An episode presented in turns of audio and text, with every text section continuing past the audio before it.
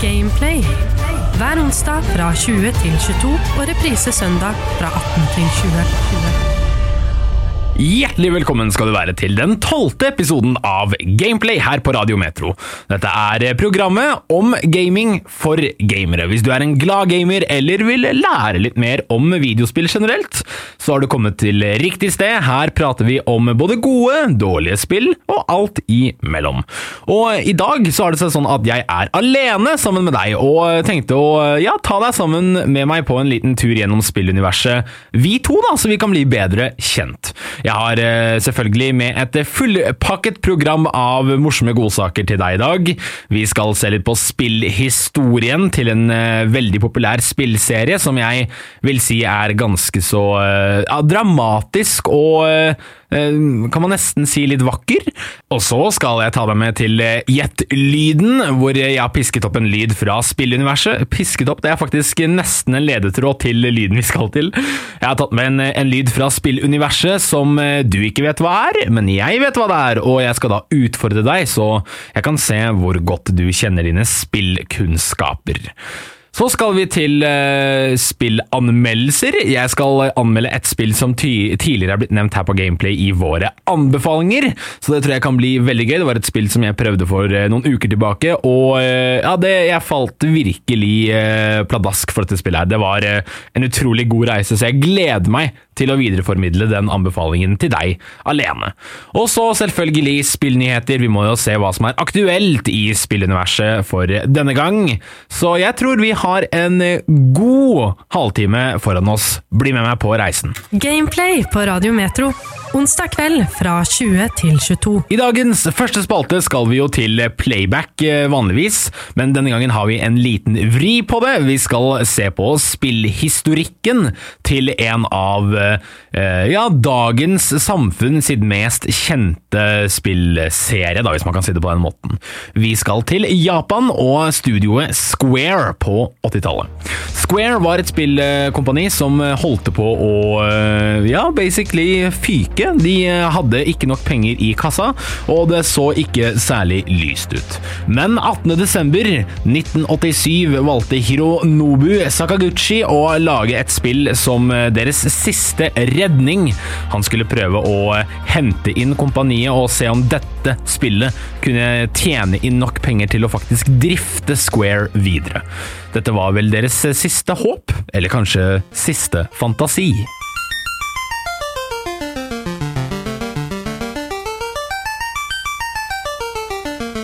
Det stemmer. Spillet som reddet da Square fra denne eh, krisen, var da spillet Final Fantasy 1 i 1987. Du kjenner sikkert til tittelen. Det er fordi den har dukket opp i mange forskjellige former og fasonger senere i tid. Nå med Final Fantasy 16, som kommer om eh, ikke veldig lenge. Final Fantasy var det som kalles et JRPG-spill. Det er altså en japansk RPG eh, hvor du leder et, eh, et gruppe, en gruppe, da, eller en, eh, et party, som det kalles på fagspråket, av fire forskjellige eventyrere. Disse går da i en rekke etter hverandre, og de har ofte forskjellige evner. En kan være en magiker, en annen kan være en ja, slags form for lege som kan hjelpe eventyrerne dine om de blir skadet. En annen er ofte en tank, altså den som leder kanskje gruppa og har eh, størst beskyttelse, slik at den kan holde ut lengst og beskytte de som er svakere, og eh, kan brukes til andre flere nyttige ting. Og så er det gjerne kanskje en eh, som er litt langdistanse, som en bueskytter, osv. Dette er hvordan JRPG-spill ofte er bygget opp. Og Fan Fantasy 1 var da et slikt et, og åpen verden må jo også nevnes. Det var en åpen verden du kunne dra og utforske selv. Historien er ganske så simpel og eh, grei. Det er jo ikke like enkelt å formidle kjempetunge historier gjennom spill fra 80-tallet, så Final Fantasy 1 holder seg ganske kort og konsist. Den tar fra disse da fire figurene du kontrollerer i denne gruppa, og hver av de, som kalles en Warrior of Light, altså lysets kriger, bærer en eh, elementær krystall.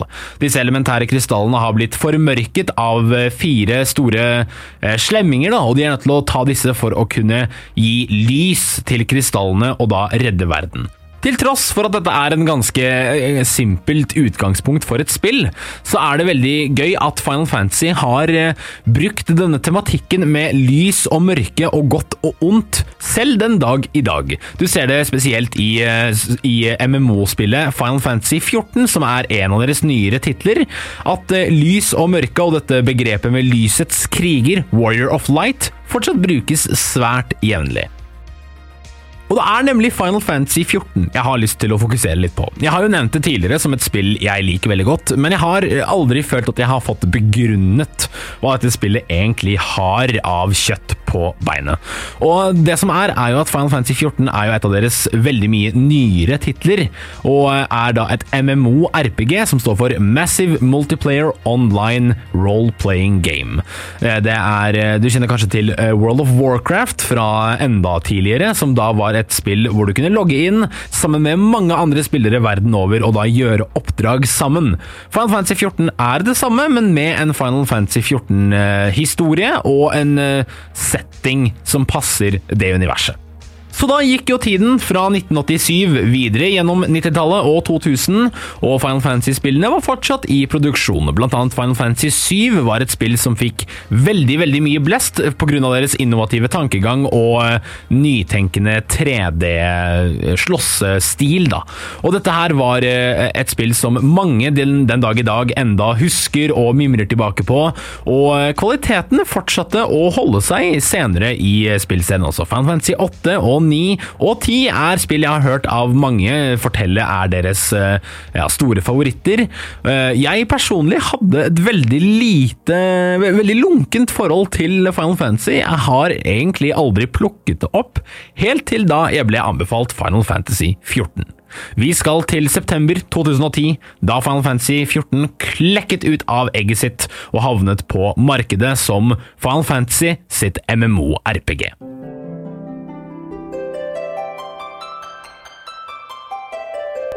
Final Fantasy 14 kom da ut, og spillere fikk hoppet seg på den nyeste Final Fantasy-lanseringen og prøvd det ut. Og dette her var jo en veldig etablert serie på dette tidspunktet, så det hadde nok veldig mange sultne fans gira på mer Final Fantasy-innhold. Det som er interessant, derimot, er at dette spillet var uspillbart. Det var ikke bra, kvaliteten generelt var virkelig til å klage på, og det var lite i det spillet som egentlig appellerte til de fleste fans. Dette truet jo da eh, hele Final Fantasy 14-spillet og eh, all arbeid som hadde blitt lagt inn i det, til å bli en av Final Fantasy-serien sine svarte får. Og for dere som er mer sultne på enda flere innblikk i denne Final Fantasy 14-skandalen her, så finnes det en dokumentar på YouTube om prosessen og, og, all den dårlige responsen dette spillet fikk. Den er av Noclip Video Game Documentaries, og da tar for seg denne, denne store skandalen i tre deler, om du vil se det. I denne dokumentaren får vi bl.a. et innblikk og intervju fra eh, Final Fantasy 14 sin oversetter Michael Koji Fox, og han forteller at på den tiden handlet arbeidsdagene hans nesten bare om å svare på hatmail og finne nye måter å si unnskyld på da, til denne rabiate, skuffa Final Fantasy 14-fansen. Men innimellom så gjentar historien seg selv. Square Enix trengte da en ny skytsengel som kunne redde de fra å få dette spillet helt ned i kloakken. De trengte en person som kunne komme inn og gjøre det riktige valget, og nemlig lage dette spillet helt på nytt. Da kom det en mann med navn Naoki Yoshida inn på kontoret. Han hadde erfaring som eh, MMO-spiller personlig, og visste hva dette gikk i, og hva en MMO-spiller eventuelt ville forventa i et godt eh, spill som det. Sammen med dette allerede ganske demotiverte og slitne teamet som jobbet på spillet, valgte han å redesigne hele spillet på nytt, imens han fortsatt lastet opp nytt innhold til det gamle Final Fantasy 14. Dette her krevde jo eh, fenomenale mengder arbeidskraft og viljestyrke, men til slutt så satt det. Final Fantasy 14 ble laget på nytt. Og ikke bare merket fansen dette med at hele spillet ble redesignet fysisk, de merket det også i spillet, for det som jeg virkelig hyller eh, spesielt da Yoshida for å gjøre, er å faktisk implementere denne skandalen inn i spillet og utslette verden samtidig som de utsletter spillet selv. Final Fantasy 14, veldig kort oppsummert, tar for seg da eh, at du spiller som en eventyrer i en verden kalt Eorcia. Denne verden er da i krig med et imperie, og dette imperiet velger da å true med å eh, dra månen fra himmelen ned mot jorda som et eh, angrep, for inni månen vet de at det fins et våpen de kan bruke. Denne månen kommer da dalende ned mot, uh, mot uh, Eorsia mot slutten av spillet, og imens de da lanserte denne nye versjonen og jobbet alt de kunne for å redesigne spillet, kan man faktisk se at månen kommer nærmere.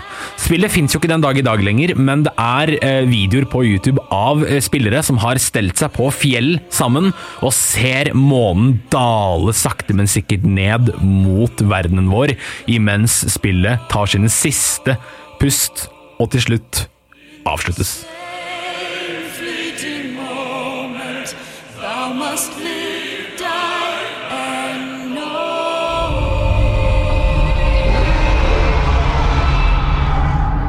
Og med det så var serverne nede, spillet avsluttet, og alt var borte vekk. Det samme var det jo i selve spillet med historien og figurene rundt deg. Månen hadde da truffet jordkloden, og inne i månen befant det seg en gudelig drage som kom ut og lagde kaos.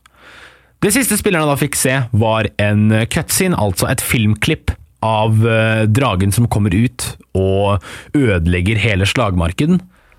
Men så blir du, spilleren, transportert vekk og våkner opp et mye, mye fredeligere sted. Og ut mot utsikten på alle fjellene i det fredelige stedet står det A Realm Reborn. Final Fantasy 14 er tilbake, og det er et nytt spill. Den dag i dag holder Final Fantasy 14 på bedre enn noen gang. De har en spillebase på over 24 millioner brukere og oppdaterer spillet sitt veldig jevnlig.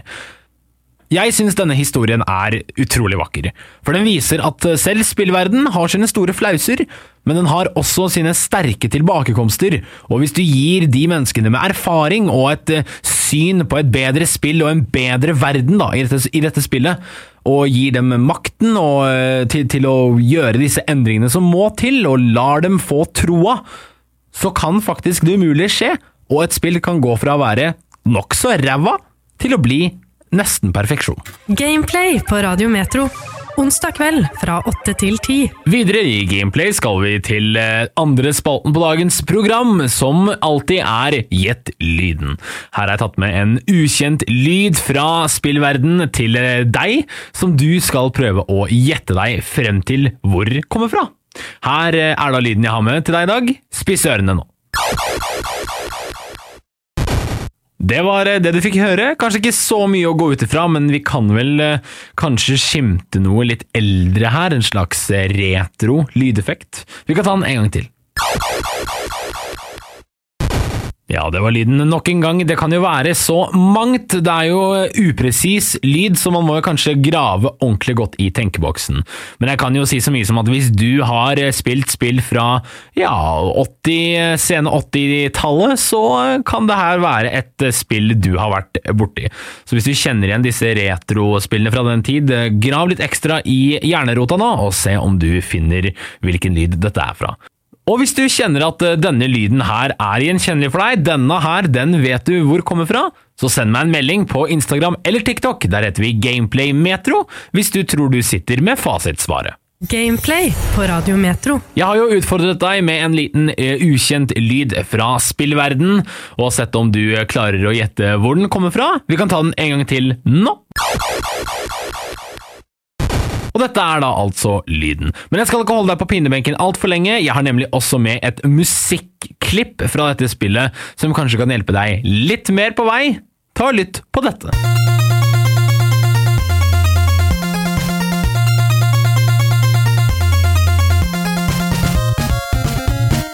Ja, kanskje dette er noen gjenkjennelige toner. Her kan vi i hvert fall høre at det er eh, oldtidens eh, spill vi skal til, og det er eh, litt eh, skrekk i det, kanskje. Noe litt sånn skummel melodi med litt actionelementer. Jeg er i hvert fall en veldig stor fan av eh, dette musikkstykket. Jeg syns det er et veldig veldig bra eh, stykke til et spill jeg faktisk ikke har runda, men jeg har eh, prøvd det ut. Og med denne lyden tenker jeg at det er klart å gi fasitsvaret til deg der hjemme. Lyden vi hørte er fra spillet Castlevania 2 Simons Quest fra 1987. Dette er da det japanske studioet Konami sin oppfølger til Castlevania 1, som tar for seg vampyrjegeren Simon Belmont i hans kamp mot Dracula. Eh, Castlevania 2 tar for seg den samme historien syv år etterpå, når Simon Belmont må konfrontere Dracula nok en gang, men denne gangen i en åpen verden, som var eh, annerledes i motsetning til eh, Castlevania 1 sine plattformbaserte baner. da. Dette var jo et spill som introduserte Castlevania til en ny sjanger, og blant annet eh, flere endinger kan oppstå ettersom hvilken tid du klarer å eh, runde spillet på. Men Castlevania 2 er kanskje ikke alle sin favoritt, den var litt annerledes enn det første spillet, spesielt i måten det spilles på, men jeg vil fortsatt si at eh, denne musikken og enkelte elementer av Castlevania 2 og serien generelt er selvfølgelig verdt å nevne. Videre skal vi til eh, den tredje spalten på dagens program, våre anbefalinger, med en liten twist. Vi skal heller ta våre anmeldelser når jeg har prøvd ut en av eh, Gameplay-gjestenes tidligere anbefalinger. Heng med! Du hører Gameplay på Radio Metro. Hvis du husker eh, den fjerde Gameplay-episoden, da MC-a Emilie Helgesen, eh, streameren fra Twitch, var innom, så anbefalte hun spillet Red Dead Redemption 2 til oss. Jeg tenkte at dette spillet her er noe jeg ikke har hatt erfaring med enda. Beklageligvis, jeg har jo spilt eh, ja, kanskje 70% av det første spillet i mine yngre dager, og er jo egentlig en stor western-fan, så jeg skjønner ikke helt hvorfor jeg ikke hadde plukket det opp, men eh, det kan jo kanskje ha noe med at eh, alle snakket om det hele tiden, det var mye fokus på det, det var kostet kanskje litt mye, og da ville jeg heller fokusere på andre spill som jeg hadde, eller som var billigere, osv. Men jeg tenkte at nå er det tid for at jeg må prøve meg på Red Dead Redemption 2. Så da gjennomførte jeg denne etterlengtede transaksjonen. Jeg kjøpte spillet, og da var Red Dead Redemption 2 i mitt Steam-bibliotek. Og det var begynnelsen på en uforglemmelig reise.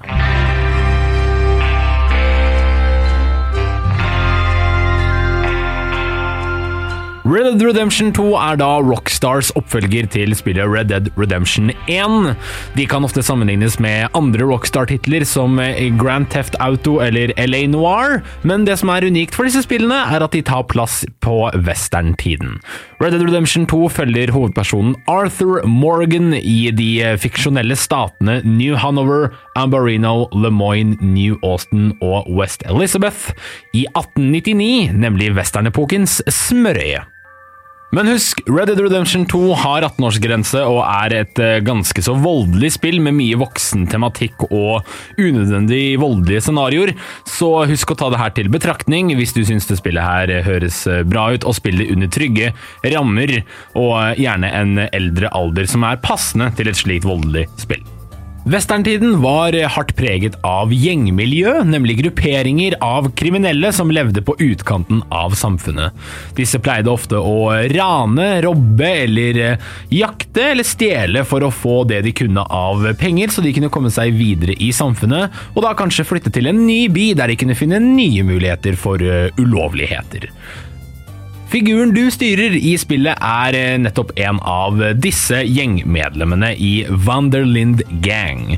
Og ikke bare er du en av medlemmene, du er også den eh, nærmeste og mest lojale vennen til gjengens leder, Dutch Vanderlind. Og med det så setter vi i gang på reisen vår gjennom eh, en oppdiktet del av USA, sammen med Dutch, Arthur og resten av gjengen. Det første man kanskje bør påpeke, er jo at spillet har en fenomenal grafikk. Grafikken er altså så eh, virkelig, og hvis du har på altså de sterkeste innstillingene på spillet, hvis PC-en din kan klare det, så kan det faktisk se ut som et eh, eh perfekt maleri av westerntiden. Og så må vi jo ta opp figurene som et punkt, for de er jo skrevet ut av en annen dimensjon. Arthur Morgan for eksempel er en eh, veldig bra og komplisert figur. Nemlig fordi at han er ikke en helt, i og med at han er med i denne kriminelle gjengen, men han er heller ikke en skurk. Han er vel et eller annet imellom de to kategoriene, fordi han prøver å gjøre det som er riktig for seg selv og de rundt han. Samtidig som han vil tjene inn penger til gjengen sin så de kan leve videre sånn som de gjør, så vil han også prøve å ta eh, nokså moralske riktige valg for andre mennesker også, selv de han gjør ulovlige aktiviteter mot. Og kanskje det som er mest likende med dette spillet, er at det er det også litt du som bestemmer. Du velger litt hvordan Arthur er som figur. Hvis du faktisk vil ta de vonde valgene og drepe uskyldige, så får du lov til å gjøre det, men det kommer ikke uten konsekvenser av at du får et veldig dårlig rykte i nesten alle byer. Men hvis du vil gjerne spille den veldig sympatiske ruten og spare flest øh, uskyldige mennesker for øh, ekstra trøbbel i hverdagen deres, så vil du få et godt rykte, og folk vil legge merke til at, vet du hva, han Arthur, selv om han kanskje driver med litt øh, ja, litt eh, kontroversielle aktiviteter, så er han ikke en eh, dårlig mann. Og dette her kan du også selv se Arthur slite med å akseptere. Gjennom spillet flere, flere gjentatte ganger så blir han eh, ja, sagt at han er en god person, da, hvis du velger å gjøre disse snille valgene og være en ålreit kar. Og da svarer ofte Arthur at nei, jeg er ikke det, men jeg prøver så godt jeg kan. Og det er noe jeg setter veldig pris på, at figuren ikke ser på seg selv som en helt, til tross for at alle rundt han gjør det. Gjengens leder Dutch Vanderlind, og også da Arthurs nærmeste venn, er eh, ganske motsatt. Han er heller nødvendigvis ikke en dårlig person, men han tar de harde beslutningene litt raskere og er da mer kald og kalkulert. Og samtidig som du ser da gjengen dra fra sted til sted og få flere og flere penger, men samtidig tape mer og mer penger, kan du se hvordan dette affekterer figurene på forskjellige måter. Du ser hvordan Arthur prøver å løse ting på de rimeligste måtene og alltid holde håpet oppe, imens Dutch later som at alt er som det skal, selv om han ikke har en eh, plan og desperat henger seg på Arthur til å redde han ut av ganske mange situasjoner. Og eh, for de som ikke har spilt det enda, så råder jeg dere virkelig om å spille det, fordi herifra kommer det litt eh, spoilere, og jeg kommer til å si ting om spillet som er veldig kritisk for opplevelsen. Så hvis du ikke har spilt Red Dead Redemption 2, hopp litt videre inn i eh, episoden, eller stopp den her, spill spillet, og så kan du høre resten. Samtidig som at dynamikken i gruppa er eh, ganske god til tider, så ser du også innimellom at gruppa kan dette fra hverandre. Dutch og Arthur er uenige, de andre figurene i gruppa som senere blir introdusert, er også sterkt uenige med Arthur sine motiver og moraler, men til tross for forskjellene deres, så er de i hvert fall i samme situasjon sammen, og de vet at eneste måten å overleve på, er å fortsette å samarbeide. Og det er altså noe som spillet får frem veldig bra i at de løser problemene sammen, samtidig som de skaper de sammen. Det er en veldig fin linje mellom at de er kriminelle, men på mange måter kan du nesten leve med de og nyte figurene, og det er som at, er som at du kanskje nesten rettferdiggjør at de er kriminelle, og glemmer det da til tider, selv om du må jo tross alt huske at disse menneskene gjør jo noe som den dag i dag ville blitt sett veldig ned på, nemlig å rane og leve på utkanten av samfunnet som rett og slett barbarer, da. Og dette er jo de andre gjengmiljøene i westerntiden også klar over, samt politiet og staten er fullt klar over hva de driver med, og derfor har de også flere blokader å komme seg gjennom annet enn hungersnød og pengemangel. Dette fører jo da til at Dutch blir ganske så nevrotisk, stressa og desperat, ettersom de blir jaktet på mer og mer. Men Arthur holder seg fortsatt ganske kald og rolig i disse situasjonene, selv om han eh, blir kraftig uenig med Dutch til eh, mange tider, da. Eh, Men eh, til tross for alt dette og livsstilen deres, så er det ikke det som er den regjerende faktoren for Arthur sin figur. Det er nemlig ett punkt hvor Arthur nesten forandrer hele personligheten sin ut av én simpel beskjed. Han har tuberkulose. Og det på denne tiden her var en veldig kraftig dødelig sykdom, og hvis du eh, fikk denne diagnotisert, så var det kanskje ganske lite håp for mange. Dette gjelder da også Arthur, som er ganske dypt inne i sykdomsforløpet, og resten av spillet da får du et innblikk i en Arthur som nesten angrer for å ikke ha satt nok pris på livet sitt. Du ser alle de tidligere feilene han håpet han kunne endre på, og du ser også figuren hans utvikle seg i en mye mykere retning.